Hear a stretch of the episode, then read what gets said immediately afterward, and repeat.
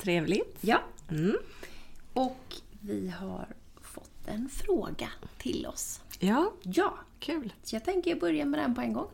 Det tycker jag absolut du ska. Hej! Jag har nyligen brutit kontakten med en vän som jag har känt i 30 år. Det har ofta skavt mellan oss. Kan detta ha berott på att vi tillsammans aldrig riktigt var de bästa versionerna av oss själva? Sen funderar jag på det här med att vara varandras skuggsida. Och hur vanligt är det att göra slut med vänner? Är det vanligt att även äldre personer som pensionärer gör slut på gamla vänskaper? Känslan efteråt är sorg blandat med lättnad. När går det över? Ja, Jag tänker att här finns lite vi kanske behöver börja med att några begrepp som vi behöver börja med att reda ut innan vi går in i frågeställningen. Eh, Och då tänker jag lite på det här med att vara den bästa versionen av sig själv. ja, Vad har du att säga om det? jag tänker så här. För inledningen, det är just det att hon har brutit med en vän där det ofta har skavt. Och Det betyder ju, så som jag tolkar det i varje fall, är ju att det någonstans är att de har triggat varandra helt enkelt. Det är vad jag misstänker att det kan vara. Att man triggas och reagerar på någonting hos den andra så att säga. Och ja, då kanske man inte är den bästa versionen av sig själv. Men vad är det då? Ja, ska det vara att jag ständigt är glad och positiv och på gott humör tillsammans med en kompis? Eller den bästa versionen av mig, ska inte det vara det som är mitt sanna jag? Och då touchar vi lite grann den här andliga dimensionen, alltså vem är jag egentligen? Är jag mina känslor eller är jag den som har känslor? Så den bästa versionen av mig, mm, det är ju, frågan är ju vad hon menar med den bästa versionen av sig. Jag tycker ju att när man är äkta och när man är sann, då är man den bästa versionen av sig själv. Och om hon nu har reagerat på sin vän på ett sånt sätt där hon känner att hon vill bryta, hon vill inte vara vän med henne längre eller honom. Då är det ju att hon har fått reaktioner, negativa reaktioner som, som gör att hon inte längre vill vara kvar i den här relationen.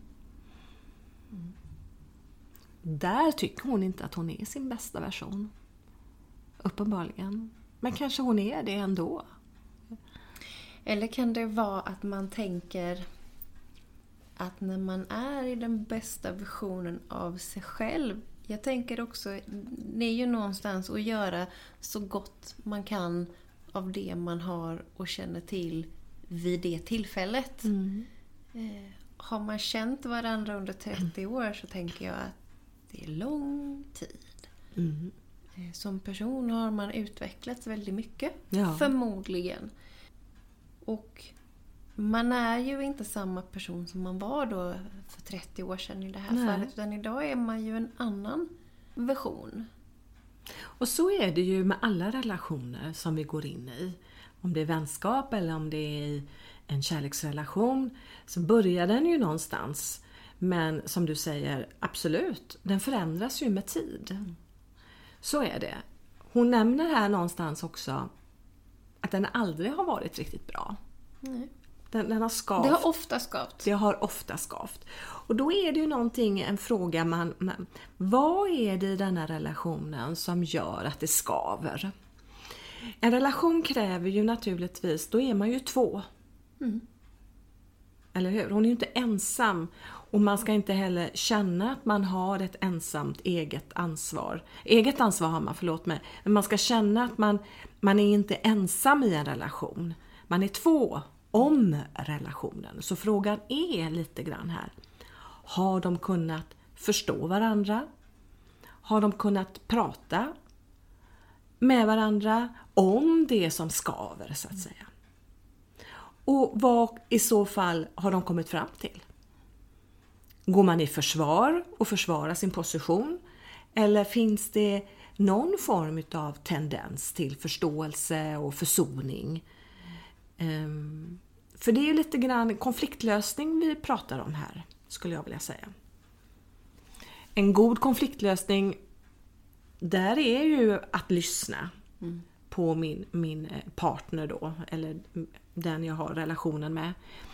Eh, det är första steget. Att känna att man blir lyssnad på är också väldigt, väldigt viktigt. Va? Så där börjar man och frågan är, har de kunnat göra det? Oj, ja. Jag tänker väl att om det nu ofta har skavt mm. så har man väl heller aldrig lyft det där riktigt. Nej, det är ganska intressant. Alltså, det vet ju inte vi nu då. Nej. Men eh, brevskrivaren upplever att det har skavt. Mm. Och vad hon behöver ställa sig för fråga det är ju då, vad är det i att hon tillåter det fortsätta skava? Det kan ju vara att hon förlikar sig med situationen och tänker ja, men jag, jag kan leva med det, det är inte hela världen. Eller att man förbiser sin, sin eh, reaktion på att det här känns inte bra. Mm. Det kan ju handla, ytterst kan det ju handla om den här personens självkänsla. Mm. Vad tycker hon att hon är värd? Vad är, blir hon, vad är hon värd i den här relationen med den här andra personen? Eller är det så här att den här personen kan väcka en känsla av ja, eh, någonting negativt. En underlägsenhet, en, att, eller att man inte blir respekterad eller att man blir missförstådd eller någonting. Va? Någonting är det ju som väcks i brevskrivaren. Mm. Hon får ju en reaktion mm. eh, som hon inte tycker om. Mm. Och hon upplever att hon blir inte sitt bästa jag. Ja, för i relationer med eh, andra så speglar vi ju oss själva. Ja.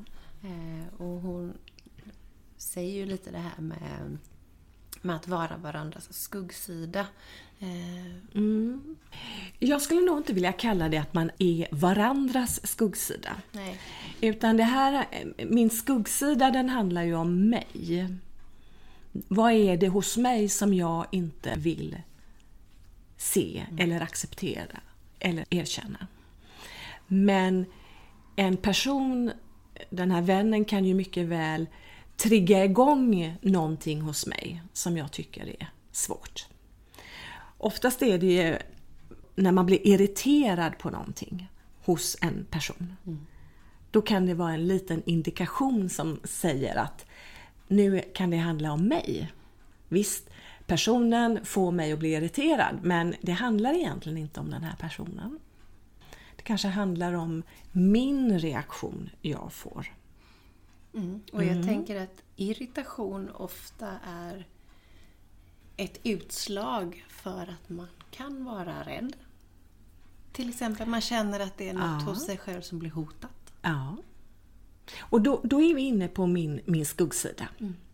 Vad är det för någonting hos mig som jag inte fullt ut accepterar? Mm. Jag ser någonting hos min vän, en egenskap, som jag reagerar på. Men egentligen då, när det handlar om min skuggsida, så är det vad är det hos mig som gör att jag inte kan acceptera den sidan, den egenskapen helt enkelt, mm. hos mig själv. Mm. Då är vi inne och pratar om min skuggsida.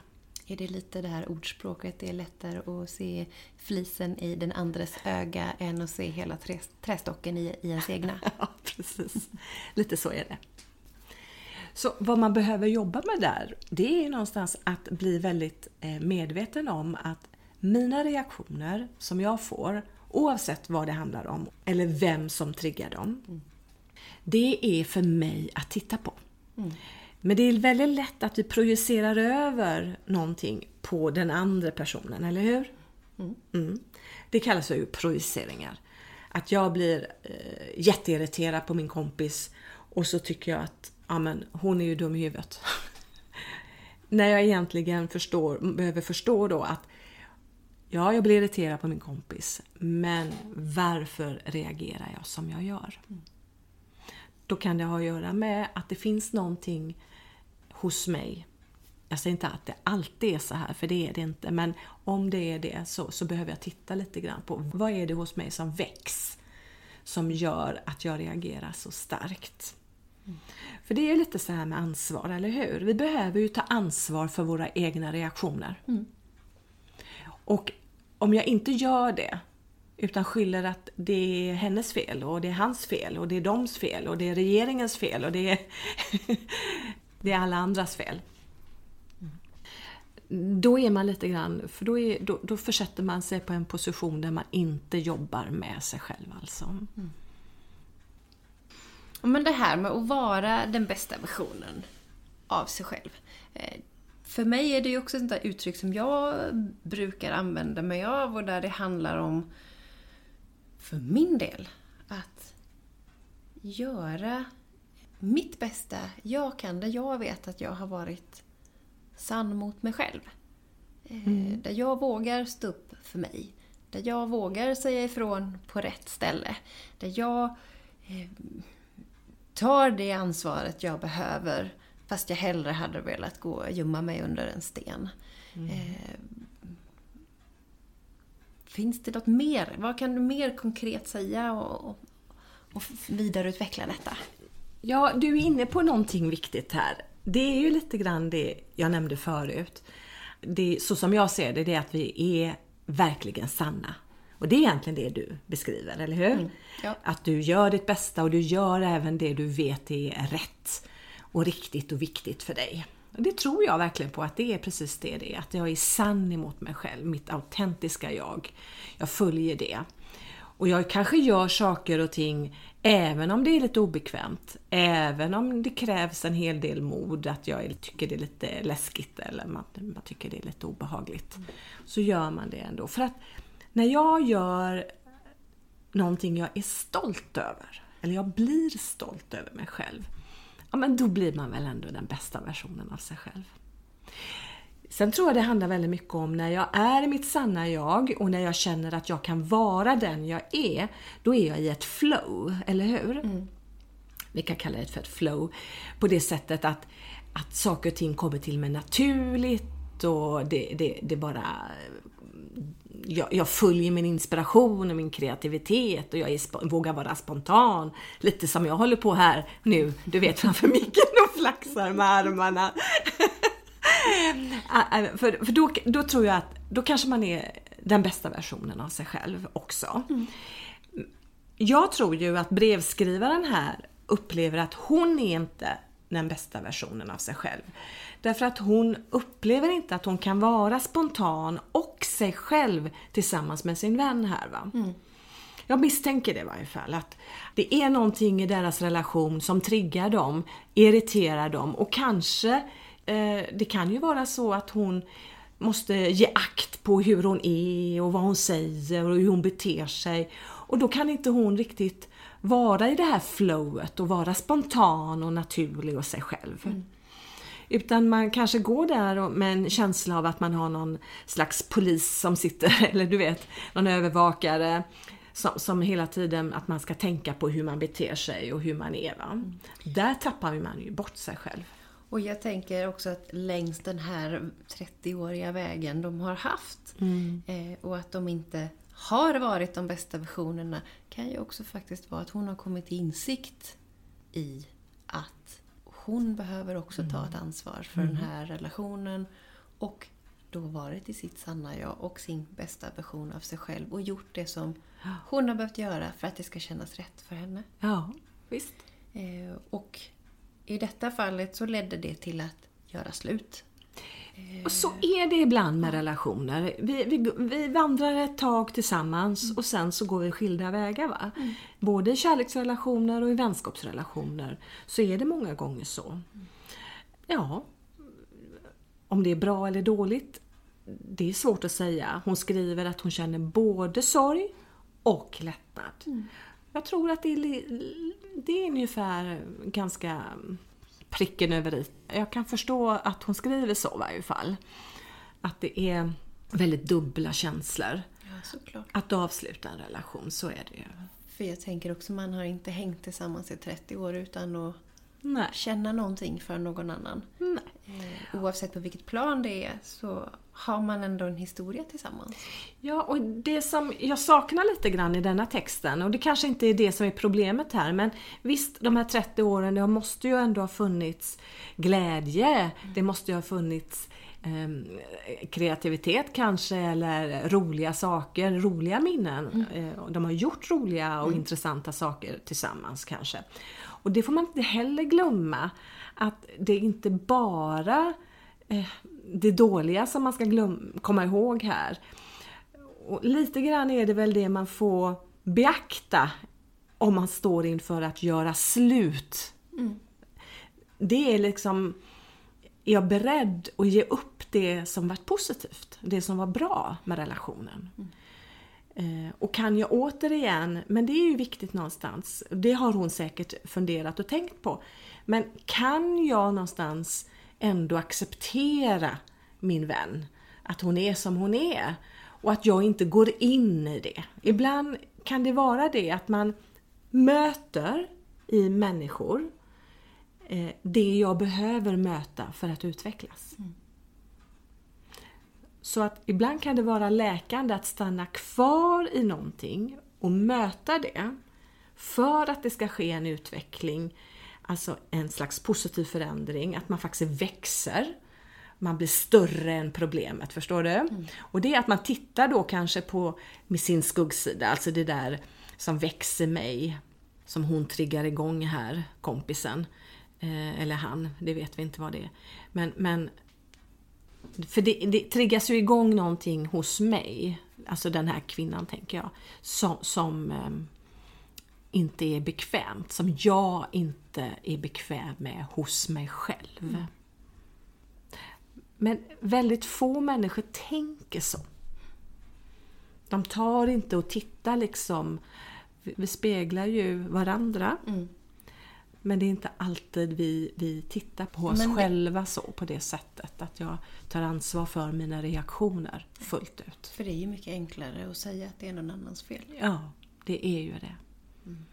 Men det betyder inte att jag utvecklar mig själv. Det betyder inte att jag växer. Det betyder inte heller att jag läker. Mm. Utan jag bibehåller min skuggsida. Jag behåller kvar det. Och så nästa gång kanske det är någon annan person som jag retar mig på. Samma mm. sak. Eh, och nästa gång är det ytterligare en. Va? Mm. Så jag kommer ju möta detta hos andra mm. i så fall. Tills man har lärt sig att acceptera det. Ja, tills vi har kommit så långt liksom. Det är väl lite så. Känner vi inte igen det, Jenny? Ja, hur enkelt som helst. ja, men det är lätt. Det är lätt så att vi gång på gång möter det som vi egentligen behöver möta. Mm. För vår egen utveckling. Eh, så är det ju, helt klart. Och tänker också att det kan komma i olika visioner.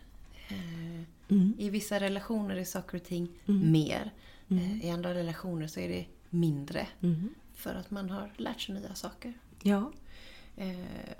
Och jag tänker på den här frågan som hon ställer. Är det vanligt att även äldre då gör slut på gamla vänskaper? Jag är inte pensionär så jag har ingen aning. Nej. Men jag tänker att antingen så har man ju någonstans haft 30 år där man ändå har gått och tyckt om varandra tillräckligt mycket för att faktiskt hänga mm. kvar. Ja, Eller så har det tagit 30 år för att ta steget och göra någonting som man faktiskt kanske hade velat göra mm. mycket tidigare. Så kan det ju vara och det kan ju bara den här personen veta faktiskt. Mm. Det är svårt att veta och svara så här som vi gör. För det blir lite mer generella svar. Det blir ju på ett annat sätt när man träffar en klient i ett möte på en mottagning så här. Mm. Då blir det väldigt mer direkt och mer personligt. Men alltså förhållanden och relationer överlag förändras mm. över tid. Det finns inte en enda människa som är densamma. Utan vi antingen växer ihop eller växer ifrån varandra. Så är det ju någonstans. Och eh, svaret på den, är det vanligt? Jag vet faktiskt inte om det är vanligt. Jag vet att äldre människor gör slut med vänner. Mm. Ja. Ibland så blir man lite bättre på det faktiskt. Eh, man får lite mer skinn på näsan när man blir äldre. Man tar inte skit på samma sätt som man kanske gör när man är yngre. Så det är många, många fördelar med att bli äldre. Man vet för det mesta lite mer vem man är och vad man vill och vad man tycker om och inte. Och som sagt, man tar inte skit på samma sätt som man kanske... Man finner sig nog i lite mer grejer när man är yngre. Mm. Så jag skulle vilja säga att eh, det kanske är mer vanligt att göra slut med kompisar eller vänner. Man vågar nog göra det på ett annat sätt när man är Jag tänker också att här beskriver hon ju ändå göra slut. I mina öron så låter ju det faktiskt som ett avslut. Där man, ja, man kanske inte är överens om det, men mm. man har ändå yttrat att nu har jag inte för avsikt att umgås med dig mer. Om jag får eh, helt sådär mänskligt dra mina fördomar eh, så kan jag tänka att eh, i vissa fall när det gäller vänskaper och man är lite äldre så låter man det mer bero tills det har försvunnit av sig själv. Hur menar jag. du försvunnit? Hur ja, men, eh, det man inte pratar om det finns inte och till slut mm. så har man inte hörts på så länge så att då har det liksom det. skött sig själv. Fast man har egentligen inte gjort ett avslut. Nej, det är väl ganska vanligt att relationer rinner ut i sanden. Ja. ja. Men man gör inget medvetet avslut, kanske som den här brevskrivaren har mm. gjort. Man säger att kanske till och med att nu, nu får vi avsluta den här relationen. Mm. Det kanske man till och med har sagt till varandra. Det blir ju lite mer dramatiskt, absolut. Mm. Och det är väl egentligen konflikträdsla mm. som ligger till grund för att man inte någonstans eh, gör slut. Mm. Eller så vill man inte göra slut, man vill avvakta. Man kanske behöver tid, man kanske behöver pausa en relation. Mm. Det är inte ovanligt att en del relationer behöver ligga lite grann i träda för att se lite längre fram, håller de fortfarande? Eller har, har man kanske, eftersom det är en relation så handlar det om två personer. Va? Har, man, har man kommit fram till någonting på var och ens håll? Det kan också behövas ibland. Att, man, att tystnad och att man inte umgås kan också behövas för att någonting, att det ska hända någonting. Det kan vara en process man går igenom själv. Mm. Eh, så kan det också vara. Och tänker att det är ju inte alltid man är på samma plats i livet där man faktiskt Nej. kan dela det som sker i ens Nej. parallella liv. Det kan ju vara någon som är mitt uppe i småbarnsålder och den andra har tonårsbarn. Eh, jag säger inte att det inte går eller att man inte har ett utbyte av varandra men att det kan vara just där och då kan det begränsas men mm. ytterligare en bit till in i livet så kan man mötas på ett nytt, mer jämlikt plan igen. Mm. Eh, för att då har båda gått in i en annan fas i och, livet. Ja, visst, och då kommer vi in i någonting annat som har med relationer att göra. Det här är ju ett jättestort ämne, ja. relationer naturligtvis. Men det är ju liksom, vilka förväntningar har jag på min kompis? Mm. Ställer vi förväntningar som är för höga? Ställer vi orimliga förväntningar på min vän? Ja, då blir jag kanske väldigt besviken också när inte de infrias. Mm. Och det vet vi inte någonting om, för det sägs ingenting här, men det kan vara så att den här brevskrivaren har, och vännen i sin tur kanske har, förväntningar på varandra som inte den respektive kan alltså ge tillbaka utav. Mm. Och då blir det också en form av besvikelse och en känsla av att det här är inte bra. Och återigen behöver jag titta på mig själv. Vad har jag för förväntningar? Är det rimligt att ha det? Tar jag ansvar för mina egna reaktioner? Mm, två viktiga frågeställningar, eller hur? Mm. Som man kan ställa sig. Ibland kan det ju vara så att någon brister därför att man är inte på samma platser. Det har hänt någonting i den enas liv. Eh, och det finns inte tid och engagemang för att umgås eller för att ägna sig åt sin vän. Eh, därför att den ena parten är kanske upptagen med helt andra saker eller med sig själv eller inte mår bra eller någonting. Och då, då får man också veta med sig det att då kanske det är en paus som behöver eller det kanske är något form av en dialog kring just det. Mm. Att man drar ner förväntningarna på den här vänskapsrelationen. Eller kärleksrelationen om det skulle vara så. Mm. Det är ett stort ämne. Väldigt stort ämne. Eh, och jag tänker lite här, sista eh, frågan handlar ju om känslan. Det här, sorg Mm. och blandat med lättnad och när det går över. Ja. Och jag tänker ju, känslor går ju aldrig över men de tar lite olika skepnad. Jag skulle säga att, att i sorgen, där finns det lättnad. Lättnad är faktiskt en komponent i sorgen. Något man inte så ofta eh, tror att sorg handlar om. Man tror och tänker att sorg är att man är ledsen. Men så är det inte. Sorg, där ingår både ledsenheten, där ingår ilska och där ingår lättnad. Men brevskrivaren upplever här att det är både ledsamt, det är så jag säger det, sorgen står för ledsamheten. Det är både ledsamt och tragiskt att det har blivit så här. Samtidigt finns det en lättnad. Och kanske är det lättnaden, apropå det här vi pratade om att hon kanske inte har känt att hon kan vara sig själv fullt ut med den här vännen. Hon är inte den bästa versionen av sig själv med henne eller med honom. Eh, utan då kanske det är så helt enkelt att där ligger lättnaden. Att nu behöver jag inte anpassa mig eller vara överflexibel eller gå på äggskal, gå på tå eller spela teater. Ja, nu är det jag som kanske överdriver där men där tror jag någonstans att det handlar om det. Och om vi nu då har pratat en del om relationer och gamla relationer eh, och eh, göra slut på relationer. Och om vi då lyfter blicken lite Ja. och plockar in det andliga perspektivet. Vad vill vi, eh, vad vill vi skicka med våra lyssnare till nästa vecka som de kan fundera på? Ja, jag skulle nog vilja fortsätta kring det här med relationen med mig själv. För hur många människor är, kommer den först? Alltså jag tror inte det är sådär jättevanligt faktiskt. Utan det är så många andra människor och göranden och arbete och allting som kommer i första hand. Men relationen med mig, och återigen att ta kontakt med mig och mitt sanna jag, vilket vi gör många gånger när vi går i meditation, vi vänder blicken inåt, jag möter mig själv, jag jobbar med mig själv, jag går igenom känslorna, bakom känslorna och där upptäcker eh, någonstans att det finns ett, ett annat, ett jag. Jag är den som känner. Jag är den som tänker. Jag är alltså inte mina känslor. Jag är inte mina tankar.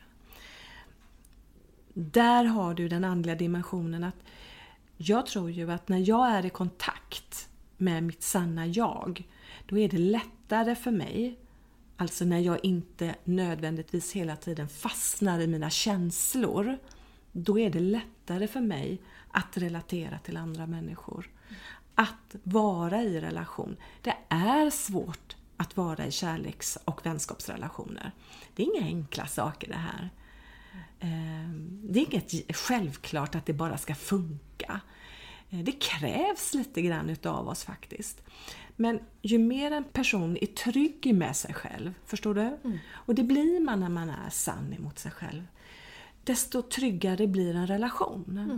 För det vet, jag tänker, det känner ju ni till förmodligen, eller hur? Alla som lyssnar och även du Jenny, att när vi möter någon som känner sig trygg med sig själv så gör det någonting med en relation. Det gör också någonting med oss.